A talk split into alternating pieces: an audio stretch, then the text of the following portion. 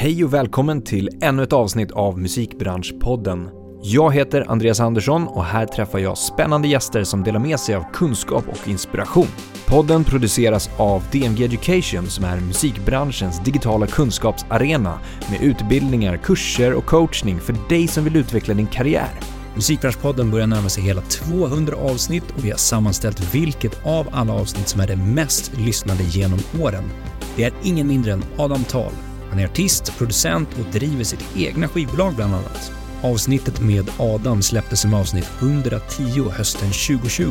Vi pratade om allt från musiken till businessbeslut som har tagit Adam framåt, hur han har kämpat i uppförsbacke och vad som driver honom till att fortsätta. Vi pratar även om utbildningsprojektet Framåt som han har startat. Nog snackat, här får ni Adam Tal. Adam Tal, välkommen till Musikbranschpodden. Tackar. Hur är läget? Eh, det är bra, jag var uppe tidigt idag, tränade. Ja. Eh, så kanske lite trött nu, men det... det... Jag tog en Voi hit. Ja. Uppfriskande kallt alltså. Ja. Shit. Vad va, vad tränar du? I gym eller? Ja, det är någon sån här crossfit eh, mod. Ja. Eh, skitjobbigt. Tränar du mycket eller? Nej, men det ska jag inte säga. Eller tre gånger i veckan. Ja. Eh, och sen ska man kanske gå upp lite i antal pass. Men eh, tre, tre just nu är bra. Ja men grymt. Ska du bli så här världsmästare i crossfit? Tävla och grejer? Det tror jag inte. Nej. Verkligen inte. De är ju sjuka ju. Så. Det finns nog ingen chans. Ingen möjlighet för mig att ta mig dit. Ja men grymt. Du, eh, skitkul att ha dig här ändå. Eh, Du är också känd under artistnamnet Adam Tensta. Ja. Och du kommer ju från en artistbakgrund. Eh, Du har släppt flertalet album, du har vunnit en Grammis, du har varit på Europaturné, du har varit förband till Rihanna, Jay-Z. Kallar du dig fortfarande artist i dagsläget? Eh, absolut. Jag tror inte att det är eh, en benämning som eh, slipper undan.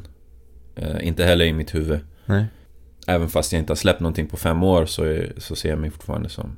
Ja men konstnär kanske eh, ligger närmare till hands. Ja, för du gör ju massa andra grejer också tänkte jag på. Just Exakt. här, ungdomsprojekt och sånt. Exakt. Eh, som kanske tar tid från det Ja, kreativa. ja, ja. Men jag- det har ju varit kul för mig att... Alltså jag har inte känt att, att jag inte kan leverera en, ett album till. Utan eh, bara låtit det få ta den tid det tar. Jag har Mm. börjat jobba nu på, på nästa platta men... Men eh, jag har ju skrivit och proddat åt andra. Det har varit svinkul. Så jag får bara fortsätta med det. Ja. Vad, vad, vad har du skrivit och proddat åt andra? Jag jobbar med en artist som heter Jelly som är sångare från, eh, från Malmö. Och eh, vi släppte hennes första EP i slutet på 2007. Mm. Och det gick svinbra. Och så har vi eh, nu under coronatider manglat på. Så vi har stack up en hel del material som kommer. Ja men grymt.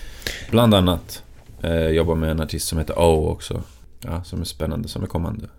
Du, vi ska snacka massa om eh, musik. Vi ska snacka lite om ungdomsprojekten också, som du har varit med i. Eh, du har gjort ganska mycket sådana ungdomsprojekt under åren. Allt från eh, eh, Get On This Team, This Is Home, Nästa Nivå. Nu också utbildningssats, liksom projektet, ungdomsutbildningsprojektet framåt. Yes. Är just sådana ungdomsprojekt någonting du alltid liksom har brunnit för och brinner för? Ja men på ett eller annat sätt så har man ju sett... Eh, jag vet att det kollektivet som jag kommer ifrån, RMH, Respect My Hustle, som inte finns längre men alltså vi, vi har alltid parallellt verkat för att öppna, öppna, scen, öppna dörren för så många som möjligt och bygga en scen verkligen. Mm.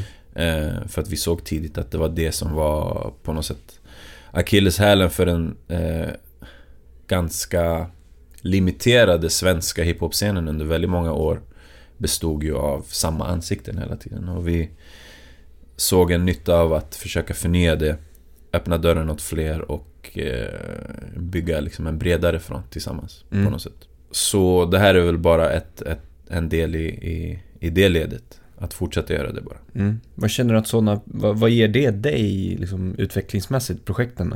Ja men att få, att få vara med och, och se utan att nödvändigtvis behöva skapa eh, ger en ett extra perspektiv på hur, hur mycket talang som egentligen finns. Mm. Eh, många är bekväma i att ha talang. Men, men vet inte så mycket om branschen i sig eller vad nästa steg kan vara. Jag tror att många tror att det räcker med det. Och det är väl liksom den första, vad ska man säga, käftsmällen som jag ger dem, de som, som pluggar hos mig. Mm. Är att det har liksom ingenting med det att göra. Ingenting med talangen att göra egentligen. Utan där får man bära en, ja, men liksom en konstnärlig, artistisk stolthet. Visst, att göra så bra grejer som man kan göra. Det är viktigt för en själv. Men eh, i det breda perspektivet av vad branschen är och...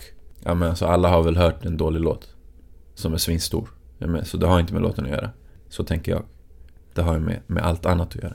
Men- Approachen, paketet, kommunikationen. Ja. Eh, Så det är det, just alltså där framåt, framförallt som vi ska prata lite mer om, fokusera Ja. på eller?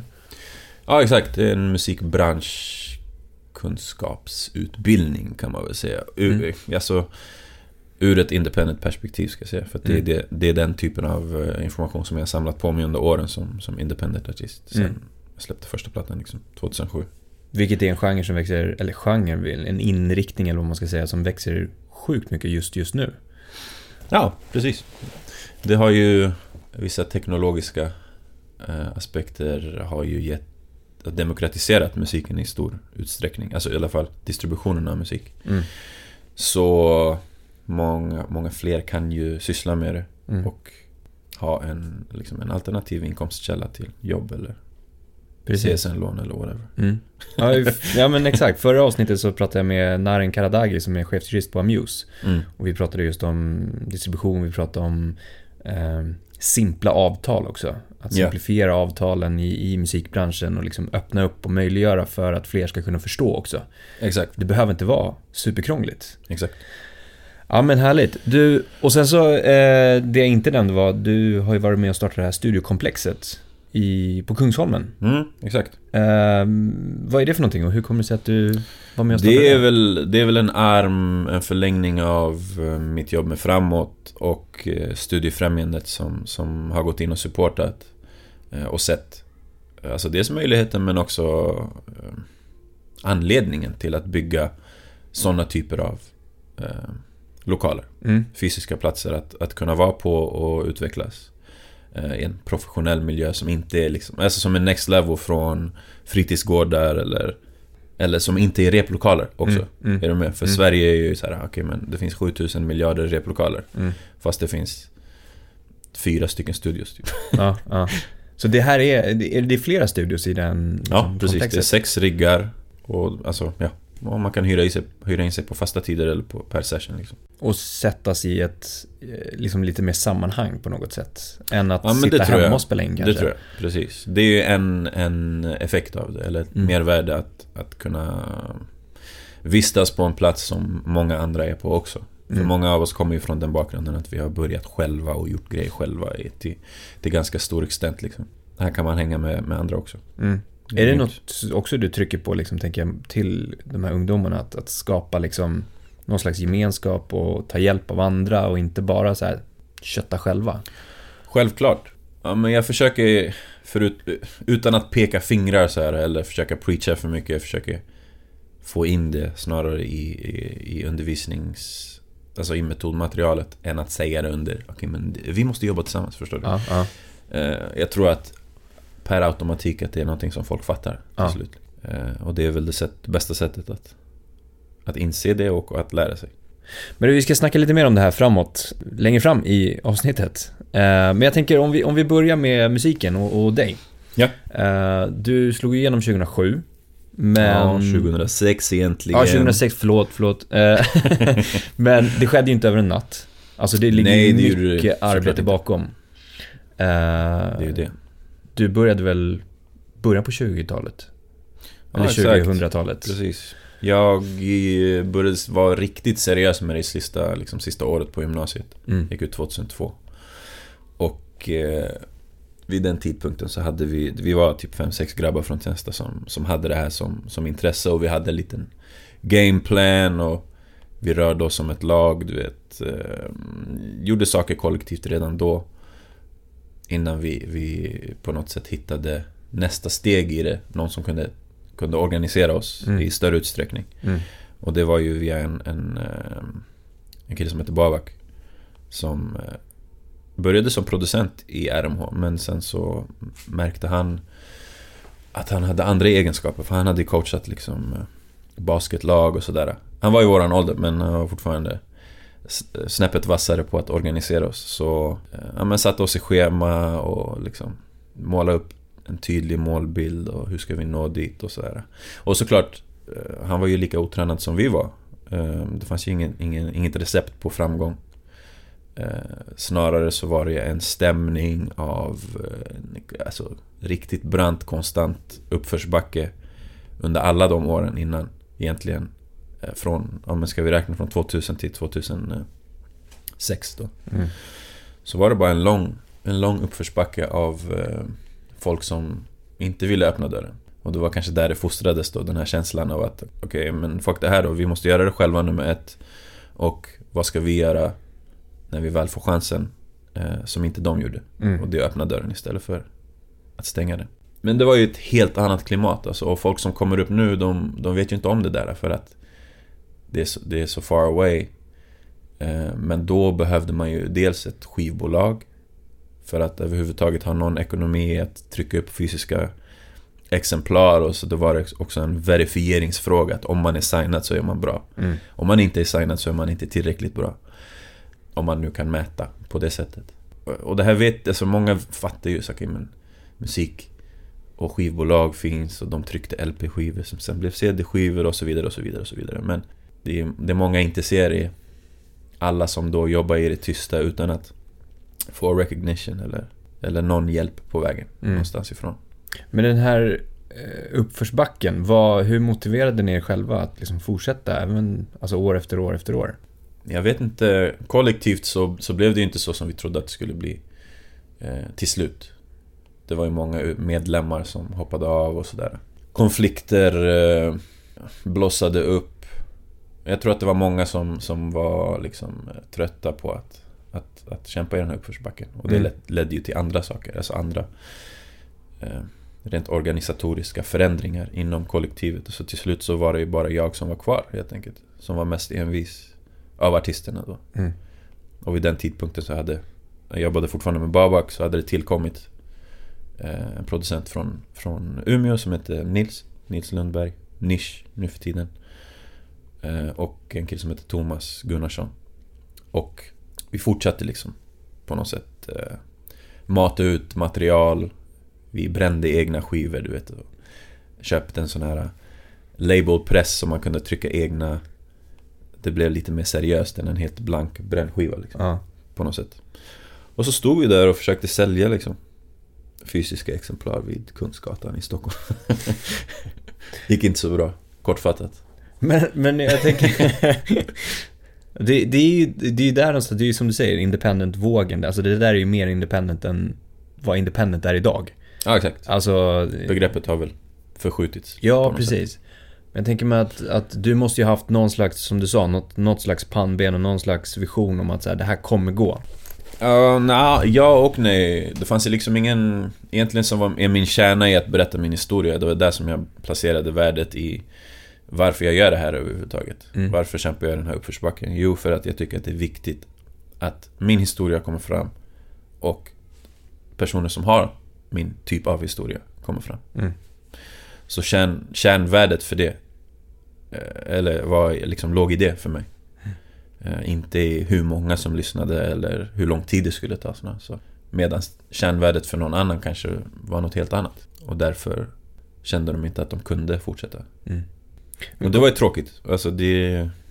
Vägen var ju lång för alla liksom. Mm, ja, men precis. Men det, jag tycker det är viktigt att belysa för att det är så pass fokuserat idag. Mycket på att säga, men okej, den här artisten blev känd, men man ser inte egentligen bakgrunden till det. Det kan ligga tio år av liksom blod, svett och tårar bakom.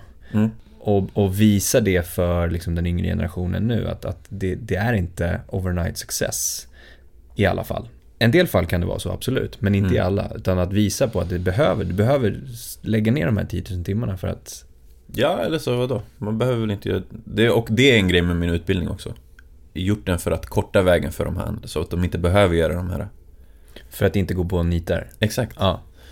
Så det är väl inte, inte givet tycker jag att... Det är bara bättre ifall det händer overnight, tycker jag. Ifall man är redo för det bara.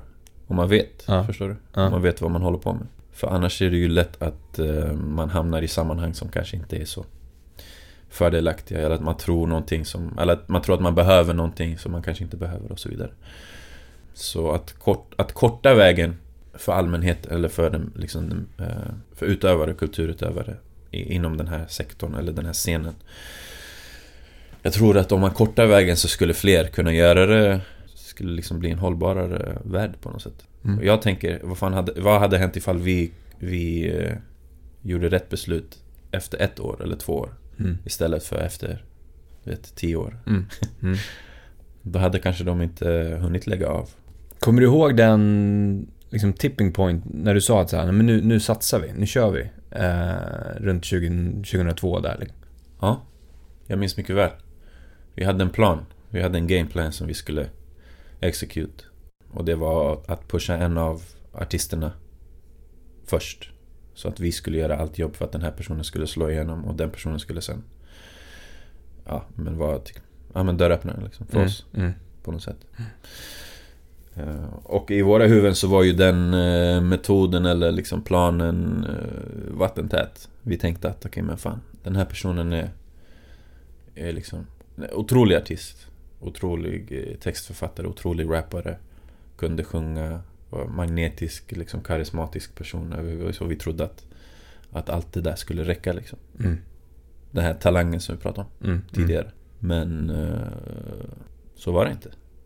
Men du har sagt förut någon gång, vet jag, i någon intervju att det har varit ett gäng businessbeslut som har liksom varit avgörande för din egna artistkarriär. Precis som du är inne på nu, att det inte bara är liksom den rå talangen. Ja, 100%. Kan du ge exempel på några sådana liksom businessrelaterade? ja men det är kanske inte businessrelaterat, eller ja, i, i en förlängning så är det väl det för att det är det det leder till. Men en tydlighet i ens kommunikation, liksom ett ett specifikt tillfälle som kanske är det starkaste är när jag bytte namn ifrån mitt tidigare artistnamn till Adam Tensta. Mm. Visst. Då blev det något helt, helt annat. Det fanns då en referenspunkt för folk att förhålla sig till. Alltså man, man hajade till, förstår du? Mm. Namnet sa någonting, betydde någonting. Alltså oavsett hur man kände. Kände starkt, kände svagt. Eh, kände att det var fett eller kände att det var töntigt. Du vet, så kände man någonting. Det och Eh, en blandning mellan det och att se musiken som ett sätt att få en möjlighet att få in pengar. Inte genom att sälja musik, men att sälja varumärket som är det intressanta i det, mm. i det hela. Musiken är bara ett av, en, en av pusselbitarna till mm. det. Så jag spelade in en låt som heter Bangin' on a system och Thomas, som jag berättat om tidigare, stängde in sig på eh, Babaks mammas gästrum i två månader och så copy-pastade han in på folks väggar i, på MySpace i två månader. Liksom 16 timmar om dagen. Så satt han och copy-pastade in och det resulterade i att ja, folk började intressera sig för, för den här artisten som hette Adam Tensta. I, I Sverige fanns ju såklart referensramar men utomlands så, så, så började det då bara gälla om musiken. Liksom. Och jag visste ju att musiken var, var tillräckligt bra. Det har jag alltid vetat. Så det är inte där det ligger. Men så det, det, är en blandning mellan, mellan uh, tydligheten i artistnamnet, kommunikationen och uh, liksom den här guerrilla marketing approachen på, mm. på MySpace. Sjuk guerrilla marketing. Ja, sjuk. Riktigt sjuk. Alltså skulle man översätta den idag så skulle det ju vara, alltså på dagens sociala medier. Jag, jag tror att det är också en sjukt viktig grej för yngre att höra. Alltså den det ligger så mycket bakom, så många timmar bakom det där. Mm. Alltså som du sa, 16 timmar bra, copy-pasta in på ja. MySpace. Sitta idag på um, tagga människor, eh, skriva på Instagram, TikTok, you yeah. name it. Liksom att skapa någonting runt omkring musiken. Ja, det är fett jobbigt också. Såklart. Alltså att dels vadå? jobbigt att, att, utföra men också jobb, alltså, du vet, att spamma någon på den här tiden, uh. 2006, då var inte spam ett, ett fenomen knappt. Är du med? Ah. Men idag så är man bara, okej okay, men okej, okay, nu skriver han till mig den tredje gången. Ja, okej. Okay. Jag måste blocka honom typ. Förstår du? Eh, så folk är ju, alltså det här är en helt annan generation. De här lever med, med sociala medier på, ja, på ett helt annat sätt. Tillbaks till historien. Mm. den här Guerrilla Marketing Schemen då med Bangin' on System, då första Adam Tensta-låten, resulterade i 300 000 downloads på på MySpace, vilket var såklart unheard of. Så folk började intressera sig utomlands och då den klassiska grejen i Sverige blev folk intresserade för att folk var intresserade utomlands. Det i kombination med namnet eh, ledde till liksom en milstolpe för oss och för den svenska hiphop-scenen. Typ. Mm. Mm. Och sen så rullade det ju på såklart därifrån. Också en rolig historia. Eh, vi, efter våra liksom misslyckanden skulle jag väl säga med att sälja skivor på Kungsgatan i Stockholm. Med liksom en bergsprängare och sju grabbar som försökte sälja skivan för 40 spänn styck eller 20 spänn styck eller liksom till slut försöka ge ut den gratis utan att någon tog emot den. Så beslutade vi att efter det här eh, Banging on System då. Första egentliga genombrottet för min del. När andra singeln skulle släppas så beslutade vi av någon konstig anledning att också trycka upp CD-skivor då. Jag vet inte varför. Eller jag vet inte vem som tog beslutet. Men Det skulle då leda till att jag skulle, eller vi Ska jag säga Satte det i schema att eh, gå ut onsdagar, kanske torsdagar, fredagar, lördagar, absolut. Och försöka ge skivorna till viktiga personer, DJs och så vidare. För att försöka spela låten ute. Vi tänkte att men här finns det. Här finns det en möjlighet att, att göra någonting. För They Wanna Know, som den andra singeln hette, var ju lite mer ja, men revolutionerande soundmässigt. Dansant, elektro, hiphop. Eh, på engelska från Sverige. Och så här. Det Mm. lät inte som någonting. Eh, Och det var ju reaktionen som vi fick från alla som hörde singeln. Så vi tänkte, okej, men här, det finns någonting här. DJs absolut skulle kunna spela den. Så vi tryckte upp CD-skivor. För att dela ut det då, inte för att sälja. Men så hade jag då, vi hade 200 CD-skivor tror jag. Och vi delade ut allt. Till slut så hade jag två stycken CD-skivor kvar då. Och så var det releasefest för Snook och Veronica Maggio Petters eh, Inga Problem-låt på Olssons skor i Stockholm, Odenplan. Så hade- var, var det min tur då, så att jag gick dit och skulle dela ut mina två sista skivor då. Så gav jag sista, eh, näst sista skivan till någon och sen så tänkte jag så, men vänta, nu har jag försökt ge skivan till viktiga människor. Nu ska jag bara gå på min känsla här och ge den till någon här. Och så såg jag en kille som var längre än alla andra. Och det var det som var liksom parametern. Så han var längst på klubben, så han fick CD-skivan. Och han ringer mig dagen efter då. Sista skivan. Han ringer mig. Ehm, och presenterar sig som Marcus Lundin, videoregissör. Och han vill göra videon till, till låten då. Gratis. Så det var där vårt samarbete började. Han kommer att göra alla mina videos under 7-8 års tid. Grymt. Från den dagen.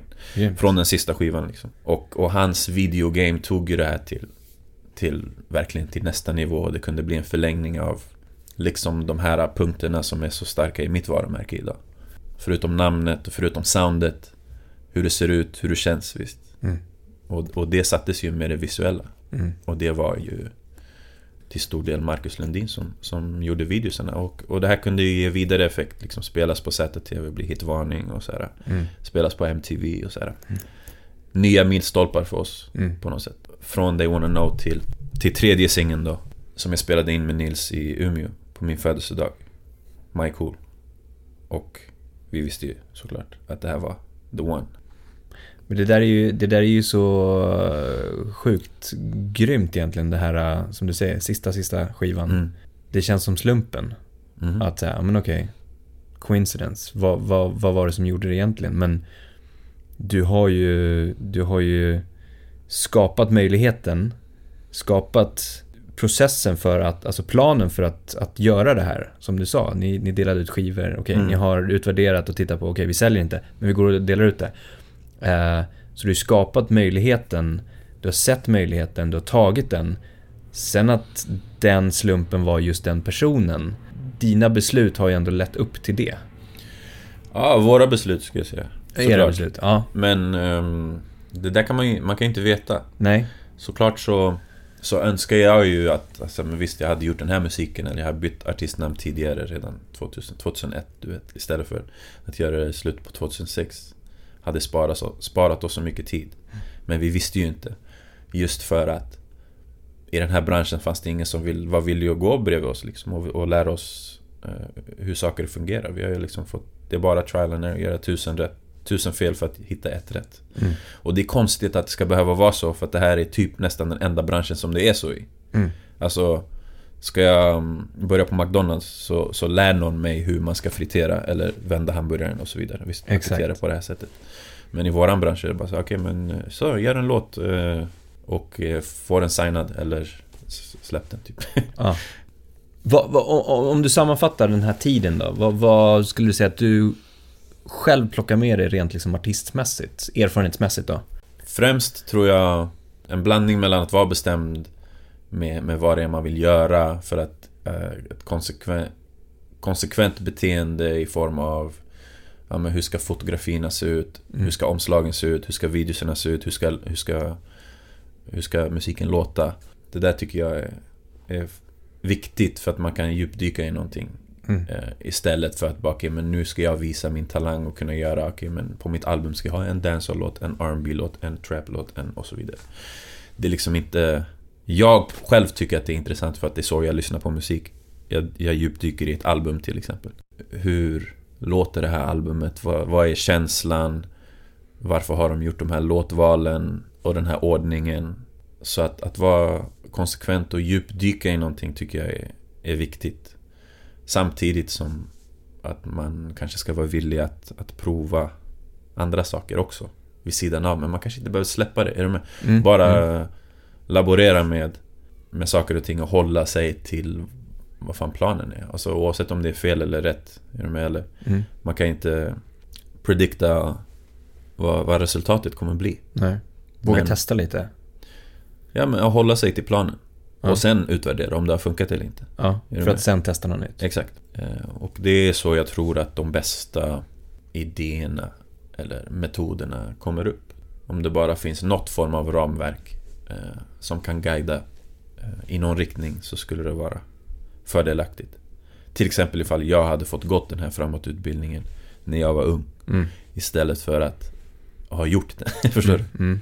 Och, och jag hoppas att flera kan... ehm, jag hoppas att flera kan, kan dela med sig av sin erfarenhet. För att det här är ju inte en, den enda vägen man kan göra det på. Nu har det förvisso funkat för fler artister än mig.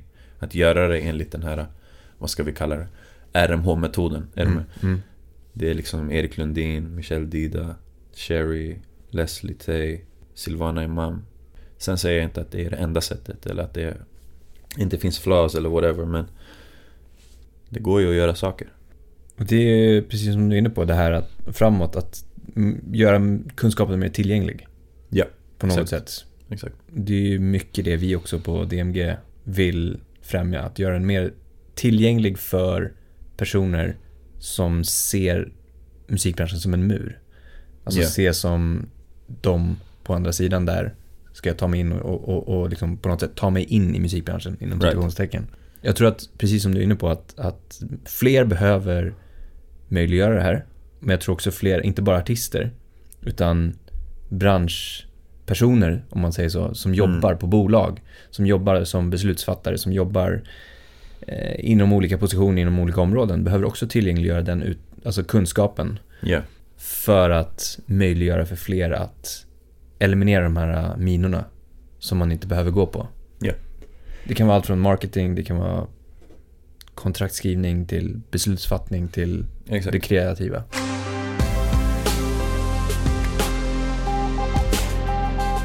Musikmässigt då? Du, säger, du skriver ju fortfarande. Hur skulle du säga att din, alltså ditt skrivande har utvecklats från 2002 till nu? Det är 18 år sedan.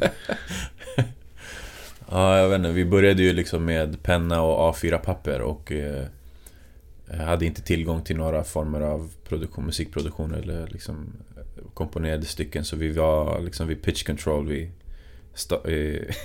centralen och, och, och lyssnade på LP-skivor och vände vi på dem så kunde man hitta in, instrumentalerna och där stod vi liksom och skrev ibland. Ja. Så det var ju på den tiden, in, egentligen innan LimeWire Kazaa Napster nedladdningstiden började så, så gick du till det för att ladda ner de här instrumentalerna som liksom en, ja, men en DJ Premier produktion typ eller whatever. Det som man, som man aspirerade att, att göra. För vi kände ju ingen producent. För att på den här tiden så var det också en, en klassfråga.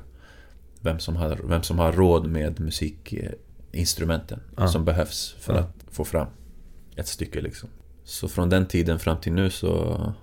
Ja men det är två, såklart två olika världar. Nu eh, har jag gjort det så mycket att det är enkelt. Än mer enkelt för att skriva åt andra artister där man inte behöver ha den personliga prestigen eller... Vad är viktigt att förmedla genom musiken då för dig? Så det viktiga är bara hur, hur man känner just då, tror jag. Det har, har gått i mer, mer i den riktningen än tidigare så har man tänkt, eller i alla fall jag tänkt, när jag har utformat album eh, och försökt ha en röd, röd tråd och försökt ha teman och du vet så här. Hela den biten. Förvisso fortfarande följer jag liksom lite det koncept. Att, att ha ett konceptuellt tänk snarare än att slänga ihop 15 låtar som jag tycker är bra. Mm. Förstår du? Så, så, för mig så är allt skrivande i, i det ledet av, okej okay, men visst det här är ett koncept. Vare sig det är till mig personligen eller om jag skriver till någon annan. Mm. Så försöker jag i alla fall implementera det koncepttänket på de låtarna som jag gör åt andra personer också. Mm. Så att det passar deras kommande brand eller deras brand ut. Mm. Deras publik och så vidare.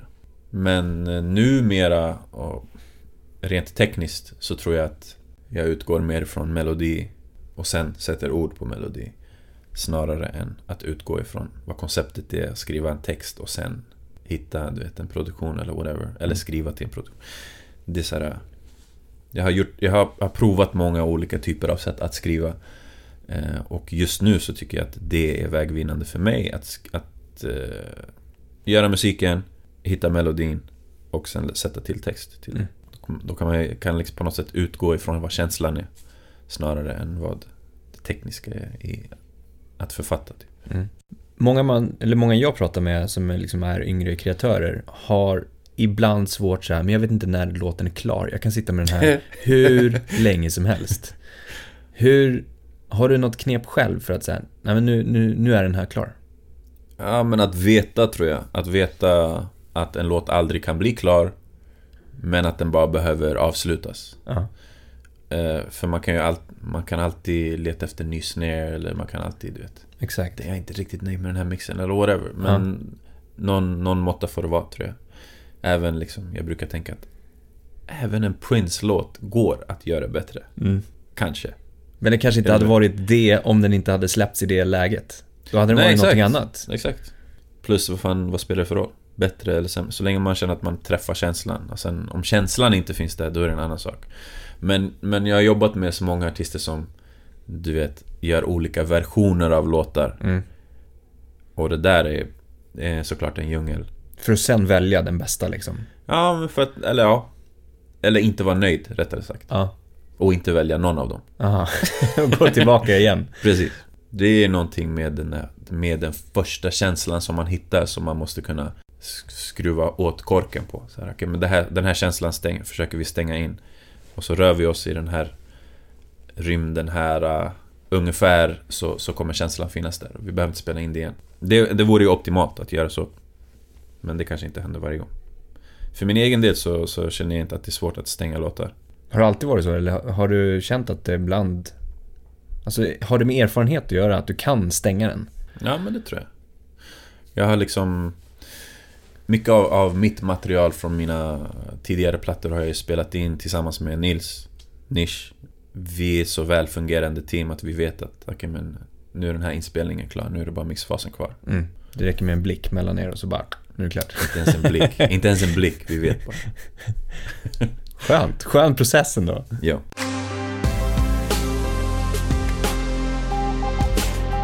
Du, ska vi gå in på framåt då, utbildningen? Mm um, du berättade kort vad det är, men om du, om du skulle liksom presentera vad det är för någonting, hur, hur berättar du då? Det är en två terminer lång utbildning. Vi ses en gång i veckan, över 20 veckor cirka. Första terminen är 10 veckor och den är strictly teoretisk, ska jag nog säga. Där vi berör allting ifrån varumärke, egna processen, PR, marknadsföring, musikjuridik. Allt det liksom informativa som är bra att veta om musikbranschen. Som man, jag tycker är liksom en bra, en, en bra basgrund att, att ha. Och de, vad ska jag säga, de som söker till framåt är väl mellan åldrarna 15 till 26. I vissa fall äldre, i vissa fall yngre. Eh, men det är väl den rangen. Många av dem har ju redan koll på musikbiten. Liksom. De, de vet vad de vill göra Mm. för typ av musik och de har spelat in och de liksom ut, har ut, liksom utvecklat hantverket till en viss grad. Så det, det där är skönt också för jag behöver inte gå in i det utan det får snarare vara så här, någonting som jag ser fram emot andra terminen för att det är då de ska arrangera sitt eget avslutningsevent. Okej. Det är då som jag får se dem för första gången liksom, i sitt element på det sättet. Så antagningen är liksom inte så här med hur långt har man kommit i sin process eller, hur, eller något sånt utan det är bara så här, men den som vill ha informationen, den som är hungrigast och så är det först till kvarn Mm. varje termin. Hur många tar ni in per termin då? 60. Som en klass liksom? Fyra klasser. Aha, okej. Uppdelat på fyra klasser. Är det tre omgångar som har körts tidigare? Det är sju omgångar. Sju omgångar? Yes. När startade ni? 2017, 18. 2017, 18, något sånt. Men, eh, ja. Så, så första terminen är 10 veckor, vi ses en gång i veckan. Just nu per Zoom, såklart. Och så slussas man liksom successivt in i känslan av att vad jag har hört i alla fall, fan vad kul att ha någonting att se fram emot. Att få hänga med de här personerna som vill i samma riktning som jag. Och egentligen så är det alla typer av utövare inom branschen. Så det finns vissa som fokuserade på att okay, men jag vill arrangera saker, jag vill bli manager, jag är låtskrivare, men jag är inte artist, jag är producent, jag är DJ och så vidare. Så liksom alla led på något sätt finns representerade av de som söker. Det är fett. Mm. Det är grymt. Mm. Vad, har du sett någon eh, från tidigare omgångar? Har det, har det resulterat i något? Har du fått någon feedback från tidigare deltagare som har sagt att här, "Fan, ja, här, tack vare det här så har jag tagit mig hit eller så har jag gjort det här? Det finns många som det går svinbra för. Och, och alla, eller många ska jag säga, nu har jag inte gjort en undersökning men Men eh, många Effekten vad jag kan se är att de grupperna som går är, är de grupperna som ofta försöker bygga någonting tillsammans senare också. Mm. Mm. Vilket ju är en, en stämpel på att de har hittat ett sammanhang som, som de trivs i Mm. och kan utvecklas i. Exakt, återigen sätta sin sammanhang. Ja. Men hur trivs du? För du är med och liksom eh, utbildar och inspirerar de här deltagarna. Ja, Hur trivs du i den rollen? Ja, jag ser fram emot att se dem varje vecka också. Så Ja. det är kul. Jävligt kul. Spännande tid att få vara med och eh, liksom forma en scen. Ja, men det, alltså, utformningen av scenen eh, sker numera liksom mer direkt känner jag. Med tanke på att det verkligen är hands-on undervisning och sådär. Men inte bara en undervisning, jag ser det som ett mentorskapsprogram och jag, jag tycker att jag allt, ofta i alla fall är anträffbar och ifall de hör av sig så ska jag säga okay, men du vet stå till tjänst ifall det är någonting som de vill ha vidare information om eller hjälp med och så vidare. Precis som källaren är liksom hjälp också i den riktningen fast en fysisk plats där de kan spela in Mm. liksom high grade grejer. Mm. Mm. Mixa, eh, spela in i, i riktigt bra studios. Liksom. Det, det är också lite svårt att såklart sammanfatta allting på tio lektioner, allt som man har lärt sig under, under de här åren. Men jag tror att jag har pinpointat det som är det viktigaste i alla fall. Den egna processen är nummer ett. Nummer två är vilket, vilket brand har man, vilket varumärke har man. Det finns ingenting som är viktigare än de två. Grymt. Och kommande omgångar? För det, det är, jag antar att det ska fortsätta, eller? Ja, det rullar på. Mm. Det rullar på. Vad, eh, vill du göra någonting mer av det här längre fram? Ja, men jag hade... Jag har en tanke om att ha... Det finns ju nu, alltså nu är de ju nästan 250 stycken så det finns en, en jättestor kraft i att kunna samla dem eh, i något forum. Så jag har försökt, eh, vill liksom införa en framåt-ish talks typ där man pratar med olika möjliggörare inom musikbranschen eller utanför musikbranschen. Intressanta personer Mm. ur liksom ett entreprenörskapsperspektiv. Och vi hade, jag hade första samtalet med Daniel Ek från Spotify. eh, Där jag bjöd in alla, alla framåt-elever. Och det var ett grymt samtal. Så jag vill gärna fortsätta med det i den utsträckningen som det går. Jag siktar på, siktar på Max Martin nästa gång. Så det är två big dogs direkt. Riktigt fett. Och det är ett fysiskt rum liksom? Där ni sitter Ja, och kör ett Zoom. Ja, Zoom. Ja, nu. Ja. precis. Ja, det är riktigt fett. Så det är en grej. ehm, Och sen så vill jag på, på i den mån det går så att det inte... Jag vill inte att det ska krocka med elevernas egna event. Som de an, anordnar sista, liksom andra terminen. Eh, så vill jag göra någon bestående framåt fest, festival, grej. Bygga en scen till, till dem. Mm. Eller en plattform just på något sätt för kommande, kommande artister. Som inte bara är här, med Way Out West bokar med Robin eller Håkan Hellström. Ett jävligt fett sammanhang live för de som har gått framåt. Vad skulle du säga, om, om man tittar på, inte, inte just framåt, men overall liksom så här, om du tittar på eh, artister, alltså både idag men också tidigare, vad, vad är ett vanligt misstag som du ser många gör i sin karriär? Hmm, bra fråga hörru du. Jag vet inte alltså, men i eh, mitt huvud så ser det ofta ut, ut som att eh, många är lite rädda att röra sig utanför sfären av det som känns bekvämt och det som funkar. Mm. Och det i längden blir väldigt tråkigt, tycker jag personligen, som lyssnare. Som mottagare typ av kultur. Jag vill höra en ny grej när de släpper ett nytt album. Mm.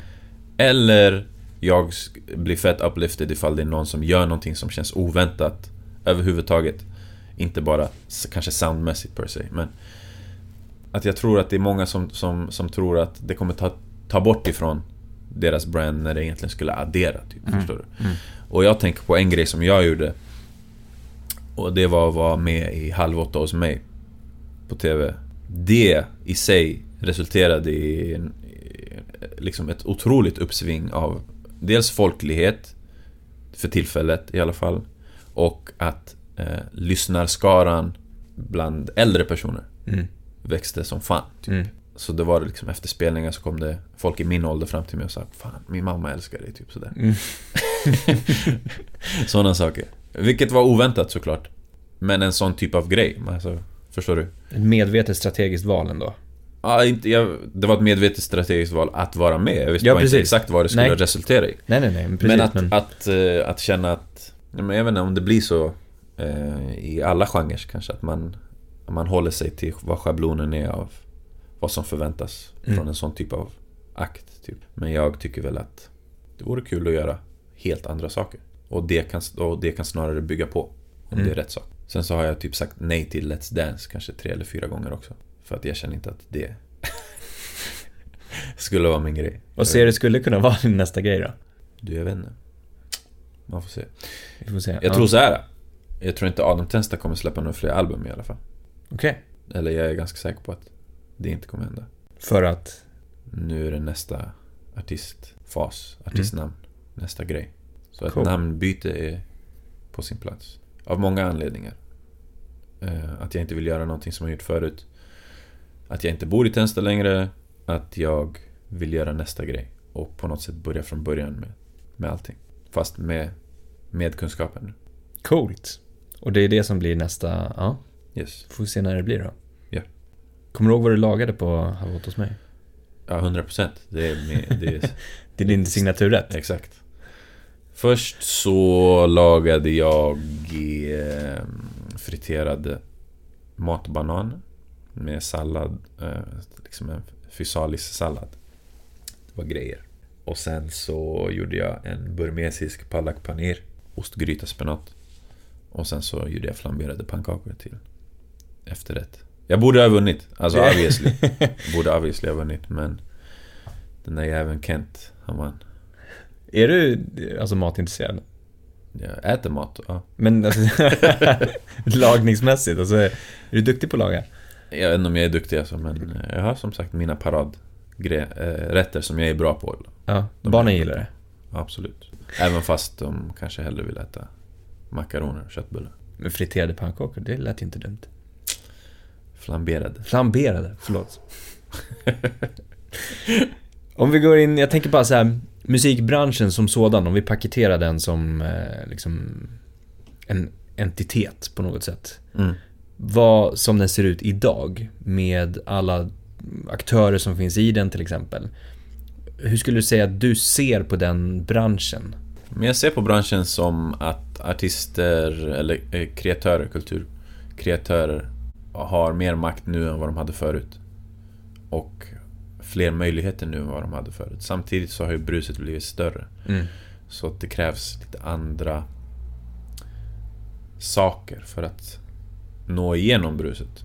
Liksom lite mer. Ja men det är ett extremt samhälle. Så, så man måste nog vara lite extrem. Mm. För att passa in. För, och för att nå igenom. Exakt. Eh, på något sätt. Alltså det behöver inte innebära att okej okay, men nu ska jag söka till Paradise Hotel och sen ska jag släppa ett album. Det kanske vore en väg också men att, eh, att göra saker som är lite avsides tror jag är nummer ett regel. Det här kan, det här kan funka. Snarare än att göra allting som, som alla andra gör. Samtidigt som det är båda delarna som bygger en scen. Mm. Alltså om vi ska se, prata genre specifikt. Så är ju väldigt mycket av svensk hiphop eller svensk trap förortsorienterad eh, hiphopmusik från Sverige idag är ju väldigt mycket likadan. Men det är det som är en genre, eller hur? Mm. Mm. Så, så det finns två vägar att gå. Antingen göra den standardiserade versionen eller göra en alternativa versionen. Och jag tror att det går att göra båda. Och om man har ett internationellt perspektiv som jag då alltid har haft så blir det än mer relevant och går den alternativa vägen tycker jag för att där är scenen också tillräckligt stor. Och det, det märker jag liksom när jag är ute och spelar runt om i världen. De alternativa scenerna, alltså den svenska marknaden är svinliten. den är jätteliten. Och den alternativa scenen i USA, per se, till exempel, är större än den scenen i Sverige överhuvudtaget. Mm. Är du med? Mm. Så det går ju att, att, att, göra damage även om, om man i Sverige ses som en, liksom en alternativ akt, eller du vet. Jag tycker att det är intressant för vi, vi tog ju några modiga beslut, dels businessmässigt men också konstnärs, konstnärligt innehåll. Var verkligen någonting som, som inte hade gjorts. Typ. Eller det hade ju såklart rappats på electrobeats, alltså både Dr. Alban och Leila Kane, men du vet, inte i den här, inte i den här formen. Liksom, i mitt, om man får skryta, kompetent på, på ett världs, världsplan. Att det fanns ett paket här som var intressant och det var intressant vet, att det var en svart person från Sverige som, som, som bar upp det här. Och det ledde ju till att, okej okay, men nu har jag spelat i, turnerat i 40 länder liksom, 40 plus länder. Och överallt kan folk musiken. Det är jävligt sjukt, tycker jag. Eftersom ingen ville öppna dörren. Från början. Det skulle liksom krävas någon omänsklig insats från Thomas som satt där 16 timmar per dag. Men det var det som var startskottet på, på att det, det, det slutade bli en uppförsbacke. Är du med? Så, så tycker jag, om jag får koppla tillbaka till din fråga angående vad fel är, vad, vad, vad jag ser för fel idag. Det är mycket, mycket, mycket mer utbrett ska jag säga. Att scenen ser mycket mer levande ut nu än vad den gjorde då. Just för att det finns så många olika artister som gör sin grej. Men jag tror dock att eh, man alltid kan ha ett fokus på att försöka öppna dörren vidare. Inte vara rädda för att approacha någon. Alltså vad, vad det än må, må handla om. Det finns mycket, i ett, det finns mycket viktigt i ett samarbete och kunna samarbeta. Även om det kanske inte direkt är så, okej okay, men det här leder till pengar för mig. Typ, förstår du? Mm. Att, att ta sig tiden. Även när man är som mest poppin. Det är ett, ett, eh, någonting som, som många som har slagit igenom eh, inte gör bra tycker jag. De tycker att okej okay, men nu är det min tid här så jag ska göra min grej. Mm. Är du med? Mm. Vilket jag fattar om de har kämpat länge så det, det, är tid för dem nu men det är då man verkligen har chansen att göra damage vad gäller att göra någonting för scenen. Mm, pass it on. Ja. Basic saker egentligen. Svara på mail. Svara på mail. Mm. Även om du är den mest populära artisten i Sverige.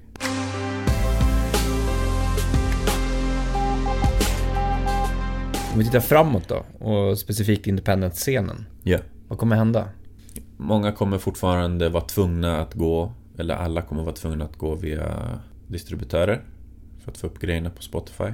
Spotify har ingen plan på att införa det här beta igen. Där man kunde ladda upp grejer direkt mm. på Spotify. Det här innebär ju att, att um, makten kommer skiftas lite större utsträckning ifrån skivbolagen till de här aggregatorerna. Då. Så, vi kommer se flera poppa upp. Som, som, som, kan, som gör mer och mer för i tjänst. Liksom, mm. I tjänstväg, mm. tror jag. Så Amuse är en sak, men vad är nästa steg? Så jag visst, det finns AWOL och så finns det några andra. Distrokid och så vidare. Men vad kan de göra mer? Det kommer de vara tvungna att positionera sig med. Vi gör det här också. Eh, men för oss eh, som, som skapar kulturen så är det ju samma, samma sak som gäller. Det är bara att vi måste veta mer om, om de som, som vi kan utnyttja. I den månen att vi laddar upp musik via den här aggregatorn. Eh, och sen så, så, så tror jag att det är en automatisk grej att folk vet mer och mer. De vet mer och mer om Independent och vilka olika pengaströmmar som, som kan komma in. Och hur man får implementera liksom entreprenörskapsandan i det hela.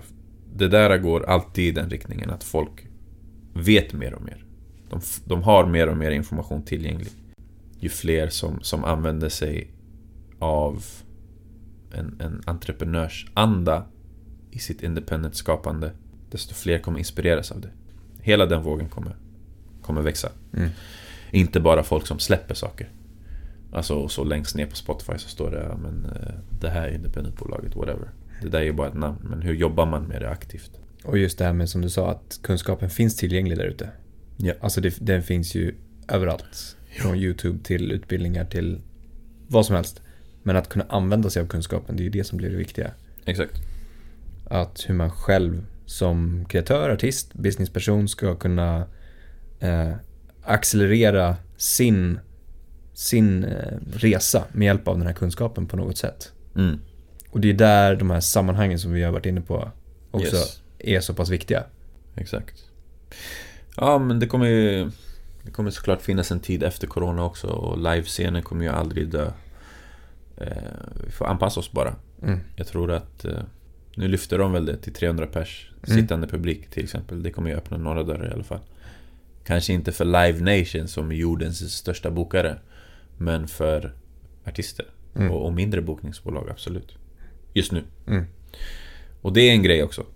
Som man inte får glömma bort. Som jag tror att många tappar på. I, av dagens stora artister. Är att de skulle kunna tjäna mer pengar. Om de spelar live och bygger den delen av sitt brand också. Det kommer från en som har haft all sin inkomst ifrån att spela live. Det finns mycket pengar att hämta där. Det ska bli intressant att se när svensk liksom, hiphop kan fylla Ullevi mm. eller någon liknande stadion. Som, som de ju kan göra i Finland eller, och i Norge och Danmark, men inte Sverige. Det kanske säger någonting om lyssnarskaran snarare. Men du tror det kommer? En tid? Det kommer komma. Mm. När de här 12-åringarna som är 12 år idag blir 18, 19, 20, då kommer det komma. Så vi är, några år därifrån. Du, om vi får gå, du har gett massa bra tips under vägens gång här nu och vi har pratat utbildning och aspirerande artister som vill utvecklas. Men om du får sammanfatta dina um, tre bästa tips för unga aspirerande kreatörer? Ja, alltså ta in mycket, mycket kultur. Och, och ge saker en chans. Eh, även fast det inte tillhör din genre specifikt. Jag tror att det finns mycket att vinna på det. Nummer ett. Nummer två. Bädda för dig själv. Eh, genom att försöka eh, först och främst analysera din situation. Vi vet hur vi fungerar, vi vet hur vi fungerar som bäst och som, hur vi fungerar som sämst. Och ta tillvara på den tiden som finns för att Eh, när man bara har två, två, timmar i veckan exempelvis, då måste man ju make a count helt enkelt. Så kom liksom inte bakis till en inspelning ifall du redan vet att det inte funkar för dig. Nummer två. Nummer tre. Eh, jobba, börja jobba, om du inte kan hitta team, jobba med folk runt omkring dig som, som tror på dig och som kan växa in i en roll. Snarare än att, att, att gå runt och, och leta efter en manager. Gör saker med folk runt omkring er. Grymt, bra tips. Vad händer framåt för dig nu då? Idag? Ska... Nej men vi eh, jobbar vidare på Järn som är eh, min label. Vi ska spela in nu i nästa månad så en av artisterna, O som jag berättat om tidigare Ska släppa en EP som heter Arv Parallellt med den EPn så ska det gå en konstutställning om det Och eh, här pratar vi om den somalisk-svenska upplevelsen Så vi ska spela in Eh, det som ska, ska ligga till grund för konstutställningen eh, I slutet på november men innan det så ska vi ha med Jelly så har vi tre färdiga EPs i bagaget och börja jobba på hennes debutalbum. Parallellt med det så ska jag börja jobba på mitt album. parallellt med det så ska jag vara föräldraledig snart. Så det, jag vet inte hur allting ska gå ihop men det kommer få fixa sig helt enkelt. Bra, bra plan så kommer det lösa sig. Grymt. Ja, mycket av materialet finns redan så det behöver inte göras. Nej. Adam, stort tack för att du ville komma hit. Snacka. Tack så mycket. Grymt. Jättestort tack för att du har lyssnat på podden idag. Det uppskattas verkligen. Kom ihåg att följa, stjärnmarkera, gilla, dela, kommentera för att hjälpa till att sprida kunskapen i musikbranschen. Vi vill också jättegärna höra från dig. Vilka utmaningar står du inför? Vad tycker du är svårt? Vad tycker du är lätt? Vad vill du höra? Vad vill du veta? Vad vill du lära dig? Hör av dig till oss på info at dmgeducation.se. Tack för idag och ha en fortsatt härlig dag.